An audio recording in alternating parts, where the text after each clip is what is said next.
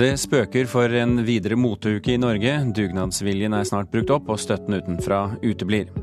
Heller ikke filmfestivalen i Haugesund har gode fremtidsutsikter, skal vi tro noen. Borte om tre år, tipper skeptikerne. Og Senterpartiet og Museumsforbundet støtter ikke oppgradering av Nasjonalgalleriet dersom det går utover museene i distriktet. Og teaterstykket om Snåsamannen? Vel, vår anmelder er ikke særlig imponert. Du hører på Kulturnytt eh, denne torsdagen. Det tredje forsøket på å skape en vedvarende moteuke i Oslo er i ferd med å mislykkes. Tidligere har Oslo Fashion Week og Oslo Trend gått i graven, og nå ser det ut til at også Oslo Runway får et kort liv. Og som du kunne høre på Kveldsnytt i går, om ikke den årlige motemessen får støtte utenfra, offentlig eller privat, så må den trolig legges ned. Kun dugnadsvilje holder ikke for å overleve i lengden, sier Frode Grønvoll, som er styreleder i det norske motemerket Fall Winter Spring Summer. Det kreves hardt arbeid og dugnadsånd for å etablere seg innenfor denne bransjen. Sånn er det med alle nye bransjer. Eh, om det er oss som designere, eller om det er andre aktører på andre nivåer, eller om det er da teamet bak Oslo Runway som har skapt en fantastisk visningsarena, så har det vært en, en dugnadsånd. Men nå er dugnadsviljen i ferd med å ta slutt for arrangørene This is PR. Eh, hvis vi ikke får noe som helst offentlig støtte eh, før neste omgang i februar, så er det vår siste omgang. Men er det kun offentlig støtte som kan eh, redde dere? Nei. Eh, hvis du kjenner en privat investor, så kunne det jo også eh, være helt sikkert en mulighet. Det private arrangementet X Games fikk 42 millioner kroner i offentlig støtte i fjor, og har søkt om 36 millioner kroner i 2017. Oslo Runway trenger 2 millioner kroner for å overleve. Den støtten lover ikke kulturminister Linda Hofstad Helleland. Det er en eh, viktig eh, næring å satse på. Vi snakker om å skape arbeidsplasser. Eh, og nå er jo dette et privat initiativ. Jeg håper at private også kommer på banen og bidrar, sånn at Oslo Rønvei også vil bestå i framtida. Vi har bygget en sinnssykt god base her, og vi har virkelig noen superflinke folk som bygger opp de norske brands. Vi bare trenger en lille, go, en lille push. Reporter her, det var Lisa Stokke. Moteskribent i D2, Ida Eritsland. Hva tenker du om at Oslo Runway nå kan forsvinne? Det overrasker meg veldig. Eh, det tror jeg ingen så komme før, eh, før vi får nyheten om det her nå. Eh, og skuffer folk veldig, og det provoserer meg faktisk ganske mye. fordi disse spørsmålene som tas opp ofte da, i forbindelse med mote eller et eller annet, tror jeg ikke hadde blitt spurt andre steder. Altså, Hvorfor trenger man mesterskap i idrett? Hvorfor ikke bare spille ligafotball? Hvorfor arrangere en kunstutstilling og ikke bare selge kunst direkte til folk? Altså, eh, for meg så sier det seg litt selv. Når vi har fått dette ene arrangementet alle i bransjen stiller seg bak, syns jeg det er eh, veldig passivt av, eh, ja, av politikerne å ikke gi det som i denne sammenheng er småpenger eh, til et så viktig arrangement. Men er det vel så mye bransjen selv som uh, burde spytte inn penger her? Altså, vi har jo tross alt noen store selskaper i norsk motebransje. Ja, det kan du godt si, og det, det er jeg helt enig i. At man sikkert burde fått en større, bredere og bedre sånn sett finansiering. Men det går også på Da får man visse kommersielle føringer som kanskje tilrettelegger bedre for andre. Det kan virke urettferdig på en eller annen måte. Og jeg tenker at uh, i forhold til mote som felt, uh, du ser jo på en måte hva slags summer som går inn i, i andre typer arrangementer, da. Som uh, man kan spørre seg om hvor på en måte bredt anlagt egentlig er, selv om det kan, kan virke sånn. Mm. så der, der syns jeg at mote rett og slett overses på en måte vi ikke fortjener lenger. Pål Vassbotn, du var sjef for Oslo Fashion Week i ti år. Og, og, siden har eh, vi hatt eh, flere Vi har hatt eh, Oslo Trend også som ikke gikk så bra. Hvorfor får ikke bransjen dette her til? Nei, Jeg ser jo dette her Dette gjentar seg som det gjorde fra min periode. Og, og vel, årsaken er at det er, det er et arrangement som, som ikke er, kan sidestilles med, med, de store festivalene, hvor, hvor, det er veldig mange publikummere. Eh, dette her er et arrangement som eh, har et nedslagsfelt, eh, først og fremst sosiale medier. Jeg tror man ser at dette her er for lite kommersielt arrangement. Nå er dette her ikke Oslo motemesse, det er jo en, en runway. altså Man viser jo designere og deres visninger, og ikke alt det som skjer ellers i moteuka.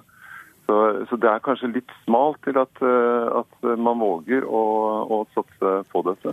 Men siden dette har vært et gjentagende problem i årevis, er det noe med hvordan motebransjen klarer å kommunisere til folk hva det er de driver med, og hvorfor de driver med det? Ehm, du kan si at det er, mote er jo generelt sett eh, ikke akkurat eh, det sterkeste kortet her i Norge. Eh, generelt så, så er, det, er, vi mer interessert i sport, disse tingene her. I Danmark og Sverige så har man en lengre tradisjon når det gjelder mote. Vi snakker om mange hundre år. Og det er jo først de siste tiårene at man har vist interesse for det. Men det er, det er for liten interesse, eh, syns jeg eh, foreløpig, til at man kan regne med at dette skal kunne gå av seg selv. Eresland Vassbotn her sier at det ikke er, eh, kanskje ikke er kommersielt nok. Er det det som er bøygen her? Ja, altså på en måte så Jeg er enig med han. altså Det er jo på en måte sånn sett et, et bransjearrangement. Men som du sier, det gjelder kommunikasjon. Det gir på en måte folk som er til stede, medier, mulighet til å fortelle denne historien om norsk mote utad. Og der tror jeg mediene har en stor jobb å gjøre. Hvordan man dekker det. Hvordan man eh, skaper engasjement rundt det. Dette at folk ikke er interessert i mote i Norge nå, er jo veldig feil. Vi har skyhøye importtall og ganske lave eksporttall, og alle store moteaktører rundt i verden sikler etter å komme inn på det norske pengesterke markedet, som er et av de største i Europa. Sånn at, at vi i Norge er fornøyde med å ha en kjempehøy import og lav eksport i et marked hvor vi i alle andre felt så snakker man om eh, kortreist, eh, lokalprodusert, eksport. Jeg tror ikke man i noen andre felt har vært fornøyd med den utviklingen vi ser nå. og det misforholdet da, mellom kjøpekraft og engasjement på hjemmebane. Og Da kommer vi tilbake til det spørsmålet som vi alltid kommer tilbake til i Kulturnytt når vi snakker om disse tingene. Det er hva er det som er galt med industrien eh, norsk mote?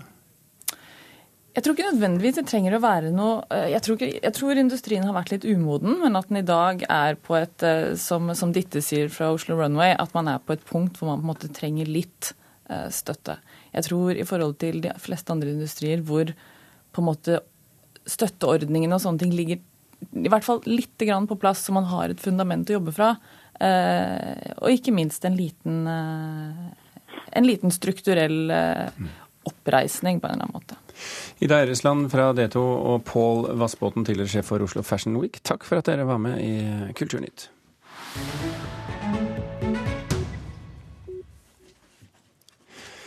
I Italia fortsetter nå redningsarbeidet for fullt etter jordskjelvet i går, selv om eh, fokus fortsatt er på å lete etter overlevende og hente ut døde fra ruinene i Amatrice. Så er man nå bekymret for at også mye av kulturhistorien har gått tapt i skjelvet, reporter Thomas Alvarstein Hove. Ja, Den italienske kulturministeren sier selv at eh, redningsarbeidet og det å ta vare på overlevende fortsatt er eh, det viktigste. Likevel samler han troppene til et møte i dag for å starte jobben med å kartlegge historiske bygninger, kunst og andre kulturminner som kan ha gått tapt i skjelvet, skriver The Guardian i dag. Men hva er det man frykter har gått tapt, da? Amatrice ble i fjor kåret til Italias vakreste by, så det er ingen tvil om at historiske og arkitektoniske perler er eh, borte. Det har også gått flere mindre skjelv som har ødelagt landsbyer rundt eh, Amatrice. Dette er jo et område der det ligger middelalderbyer på hver lille topp i, eh, i landskapet. Og hver landsby har f.eks. gjerne et titalls kirker, som i seg selv er, er viktige byggverk. Og disse igjen er proppfulle av kunst på, på, innsiden. Her er vi jo i renessansens høyborg. Mm.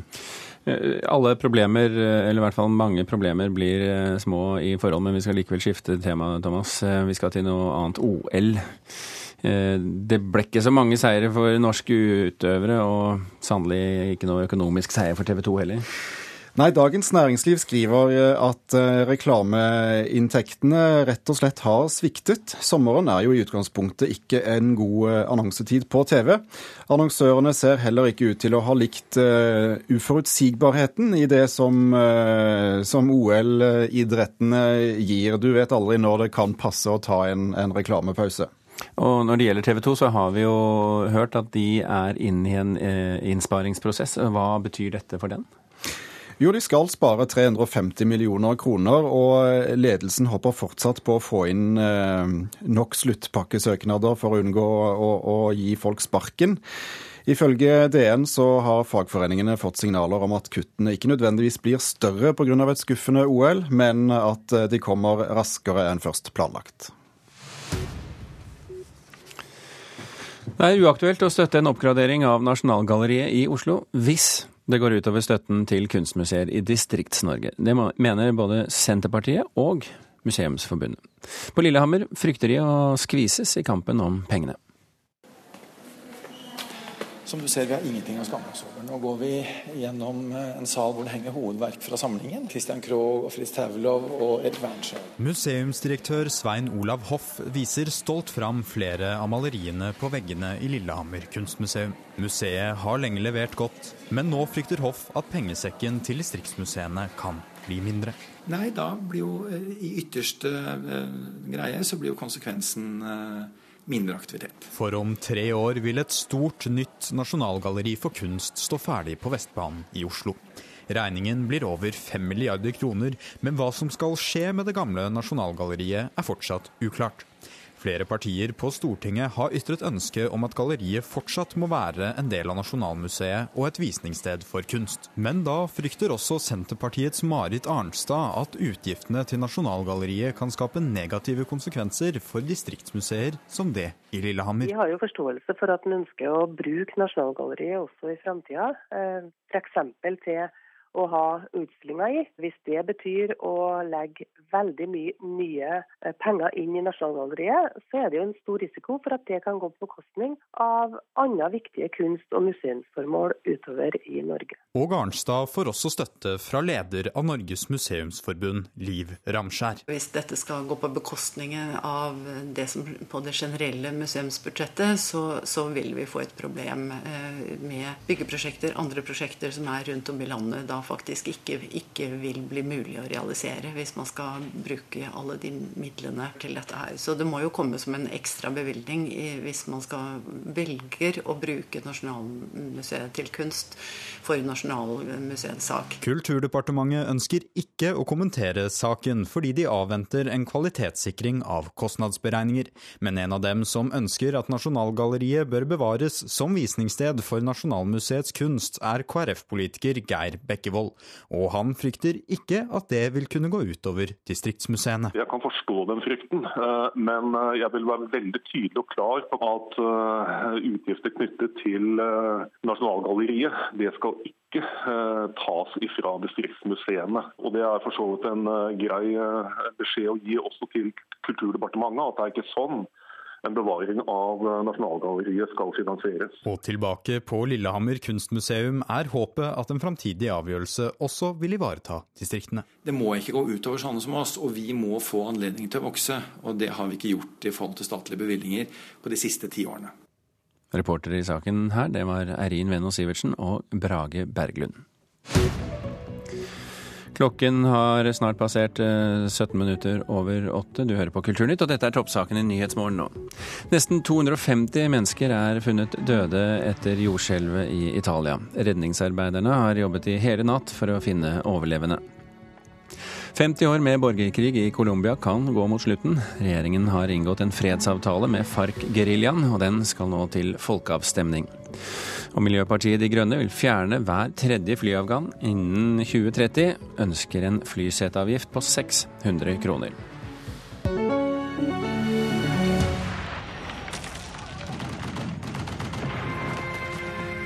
De har gjort et veldig inntrykk på meg.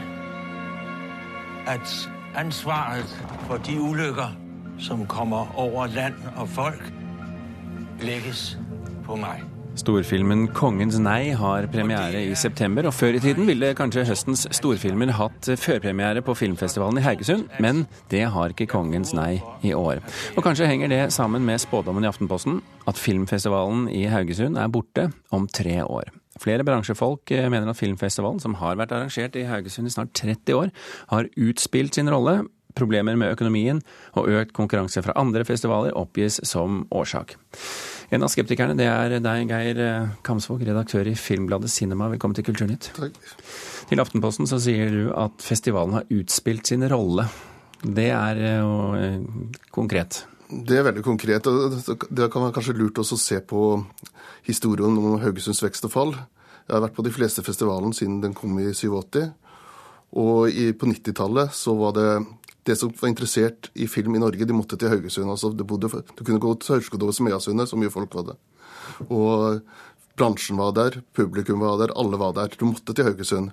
Det er ikke tilfellet lenger. I mellomtiden så har du fått festival i Tromsø, du har fått i Bergen, du har fått i Trondheim. Du har film fra sør i Oslo, det er flere festivaler på underveis. Så, så den stillingen, den posisjonen festivalen hadde, den har den ikke lenger. Den, den er ikke det dit man må for å se, oppleve film i Norge lenger. Tonje Hardersen, festivaldirektør og programsjef for filmfestivalen. Er dere i et synkende skip over sundet nå? Nei, absolutt ikke. Det er vi ikke. Det er helt riktig at, at, bransjen har endret seg på 40 år. Og vi kan ikke lage filmfestival på samme måte som vi gjorde på tidlig 90-tallet. Det er riktig. Men at, at den har utspilt sin rolle, er selvfølgelig helt feil. Nå har vi hatt fem dager med fantastiske forestillinger hver kveld, fulle hus. Vi har eh, en økning i antall akkrediterte, vi har en økning i antall publikumspass. Vi har godt besøk i salene, det har vært rullet ut røde løpere i gågatene. Og vi har også bl.a. 8000 skoleelever som skal på festivalen, så at dette her eh, er et synkende skip, er selvfølgelig helt, helt feil. Kamsvåg, eh, har dere vært i forskjellige by, simpelthen? Eh, det kan kanskje høres sånn ut. Det, det skal være interessant å se på. Det, det var på Tidligere så måtte alle du måtte til Haugesund. Ser du nå, så pressen Tirsdag så reiste de fleste journalistene hjem, for det var for lite å gjøre. Amanda er, er da i år flytta. Det, det, er selvfølgelig litt uheldig for festivalen, men til slutten av festivalen. Men jeg tror det, eh, presseoppbudet der blir forholdsvis lite, fordi at, at det, det, festivalen er ikke spennende nok lenger til at den greier å holde på festivalen. Det er ikke et sted man må være. Fordi, fordi at den har fått konkurrenter. Og, og, Problemet til festivalen det er jo det at, at endringen som skjedde altså eh, hoved, eh, Man har en, en, en eierproblem. Hovedeier Film Kino er jo blakk. Eh, eh, fylkeskommunen og kommunen har ikke vært villige til å kompensere i inntektsbortfallet. Og dermed så er jo økonomien også i festivalen mye anstre mer anstrengt enn det. Og det er jo et, det er et poeng, Hardersen. Dere har jo gått ned 20 millioner eller noe der omkring. Jo, det er helt riktig at, eh, at, en av eierne våre har gått ned 20 millioner. Festivalen har økt sitt budsjett. Vi har 14,5 millioner i totalbudsjett, som er det høyeste budsjettet vi noensinne har hatt. Vi har en personalutgifter Vent litt, dette får jeg ikke til å stemme. Altså, Film og kino har trukket 20 millioner, og så har dere 14 igjen, og det er det høyeste? Det som, eh, nei, det som Geir Kamsvåg gjør, er at han blander sammen film og kinos økonomi sammen med den norske filmfestivalens økonomi. Dette er to helt separate økonomier norske filmfestivalen har ikke gått ned på budsjetter eller mistet budsjettene sine. Den har en, en økonomi på 14,5 millioner, som vel er blant de høyeste budsjettene av andre festivaler. Vi har personalutgifter som ligger på 2,9 millioner. Det er ikke spesielt høyt i forhold til uh, til hva andre har. Og vi har da ingen personellbidrag fra film og kino lenger, det har vi ikke. Men fylkeskommunen og kommunen har økt, og vi har også omstrukturert, som ofte må gjøre i festivalen. Og som alle i media vet, det er tøffere tider for mange, og media sliter med å reise til festivalen. Det er helt riktig, det er ikke like mange som før. Derfor yter vi jo pressestipend til bl.a. Geir Kamsvåg, sånn at folk også kan komme til festivalen. Og alle reaksjonene er her jo fortsatt, men klart de sender ikke fire personer lenger. Det gjør de ikke, det har de ikke råd til. Er, er, det, er det, har det vært litt lett, Kamsvåg, å, å ty til, eh, til, eh, til, skepsis eh, fordi at film og kino ble omstrukturert og forsvant, og derav ikke støtter festivalen lenger? Er det, er det da lett å tenke seg at da ryker også festivalen? Nei, det, det er ikke det som er bakgrunnen her. Altså det, du si, når du sier at, at budsjettene er økt, så er det riktig på papiret men ikke realiteten, fordi at flere av funksjonene ble tidligere betalt over lønnslista til film og kino. Og nå er de da tatt inn i festivalen. Så reelt sett så har jo ikke festivalen fått større budsjett. Jo, for, jo det, dette er helt feil, Geir. Hvordan kan du si det? Du har jo ikke sett våre budsjetter. Budsjettene har økt. Vi har fått høye sponsorinntekter. Jo, men det har, vi har omstrukturert andre ting. Vent litt, Hardesen. Det er vel et poeng dette at film og kino eh, ikke bare trakk eh, støtten, men også funksjoner ut av festivalen. Du sitter ja, det... jo f.eks. med to jobber. Jeg, vi har omstrukturert, så vi har, har, samme ledelse sånn som Tromsø har. Så jeg har nå både festival- og programansvaret. Og så har vi satt eh, en annen en assisterende programsjef som hjelper deg. Så vi har omstrukturert. Det betyr ikke at jeg sitter med to jobber. Jeg har jo fortsatt én jobb, men jeg har et annet ansvarsområde enn det en festival og en programsjef hadde tidligere. Så festivalen klarer seg utmerket, men lønner en del stillinger selv og har på en måte ansatt folk. Så istedenfor at man har hatt en festival som er organisert ved at man får uh, ulike uh, funksjoner her og der, så man har ansatt folk rett inn i festivalen og har da en større utvikling. Og det ser vi jo. I år har vi et økning i antall deltakere. Vi har en økende publikumsomslutning. Vi har uh, folk i Haugesund som strikker en gallakjole som de låner meg som jeg kan stå på på rød løper. Så festivalen har endret seg. Og det er jo selvfølgelig leit at, to gretne gubber i Oslo syns det er litt trist. Og det er vel et, Men, eh, det er vel et poeng Kamsvåg, at når det gjelder journalister, du bruker jo det som et eksempel at det er færre journalister der, og de dro hjem på tirsdag. Nå er det vel færre journalister generelt i Norge, er det ikke det? Det er jo helt generelt, men det store problemet for festivalen det er jo det at, eh, at tidligere så har ikke andre festivaler utfordra uh, Haugesund når det gjelder norske filmer. Haugesund har vært utstillingsvindu for alle norske filmer. Det var dit man måtte. Man, markedsførte filmene der. Hele bransjen kom osv.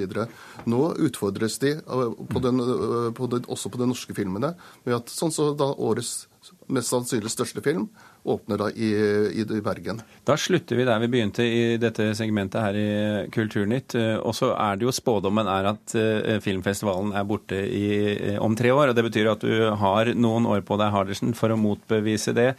Og, og uansett så takker jeg for deg, Tonje Hardersen og Geir Kamsvåg, for at dere var med i Kulturnytt.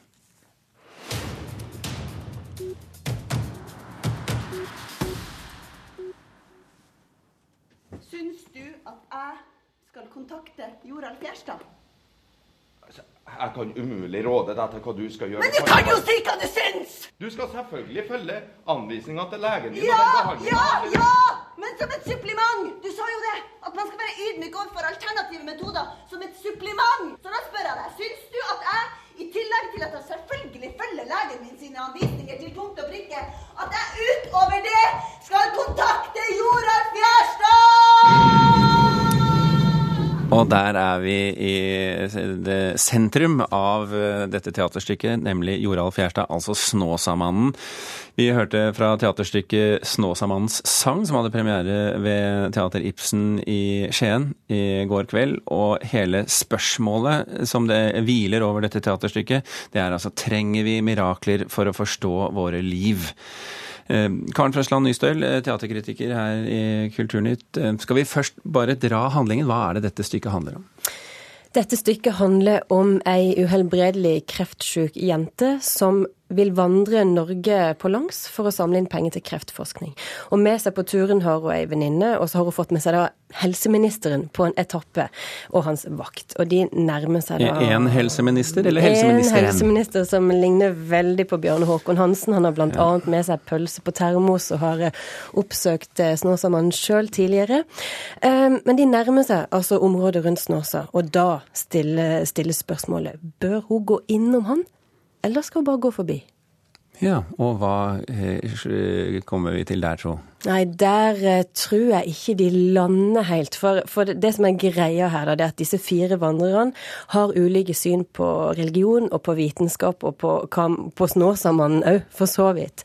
Så stykket er Det er en slags vandring der de diskuterer dette konflikten mellom tro og vitenskap, og man, hvor langt man skal strekke seg, hva man skal gjøre, hva man vil, eh, og sånne ting. Så det, det munner ikke ut i noe svar, men det er et drama som er på en måte ganske stillestående, men der alle karakterene holder lange innlegg, altså lange monologer om hva de tror på eller ikke tror på sjøl. Og det er egentlig det stykket er. Karakterene våkner nesten først til liv når de får lov å framføre sine monologer, og ellers så er de av en mer typete karakter. Og Hva syns du om det? Nei, Det syns jeg er vanskelig å balansere. Eh, for du skal liksom forholde deg til store eksistensielle utlegninger, samtidig som det kommer inn litt sånn kolikk-prompehumor fra, fra ministeren og sånne ting. Jeg syns tekstlig at det kan være vanskelig å balansere. Og når det ikke skjer så mye stykke, så blir teksten veldig viktig. I tillegg synges det en del, og heller ikke sangtekstene holder mål alltid. Altså, det er mye halvrim og sånne ting som jeg tenker der der må de gjøre en bedre jobb, særlig fordi Snåsamannen kun er til stede når han synger. Men, men, eh, hvordan blir dette stykket da? Eh, hadde du høyere forventninger til hva det skulle være? Ja, jeg hadde egentlig det. Når eh, Nord-Trøndelag Teater, Teater Ibsen og Riksteatret, tre store teaterinstitusjoner, slår sine pjalter sammen og lager et teaterstykke om Snåsamannen, som vi alle veit hvem er, og alle har våre tanker rundt, så hadde jeg hadde forventa mer. Jeg hadde bl.a. forventa en høyere tekstlig kvalitet. Men det skal sies òg at, at, når disse karakterene får komme til orde å holde sine innlegg om hva de tror på, så syns jeg, jeg, at teksten åpner seg, og da åpner stykket og karakterene seg litt òg. Så der der er det noe å hente. Når de ikke er så, så, steile og kranglete eller ivrige som de ofte er. Men tematikken er jo svært øh, omstridt, for så vidt, men også svært øh, populær. Og, og, mange forholder seg til Snåsamannen på et eller annet nivå i Norge. Mm. Så kan dette da bli en suksess like fullt? Når du nå skal rundt omkring i landet? Ja, det tror jeg. Jeg tror det kan appellere til mange. Men sjøl så altså, jeg er ikke overbevist etter å ha sett dette stykket. Jeg hadde som sagt forventa mer. Men det at Snåsamannen ikke er til stede som en karakter, men som en mulighet, det er noe fint ved stykket. For, da, for, han kan komme inn, og han kan være en sånn, ikke korrektiv, men en sånn Han skaper ro i forestillinga, og det trenger den. Så svar kort på inngangsspørsmålet til forestillingen her. Trenger vi mirakler for å forstå våre liv? Mm, ja, det tror jeg. Trenger vi dette stykket for å forstå våre liv? det er en annen sak. Karen Frøsland Nysel, takk for at du så Snåsamann sang for oss. Stine Tråholt og Birger Kolsrud Aasen takker for følget. Kulturnytt er slutt.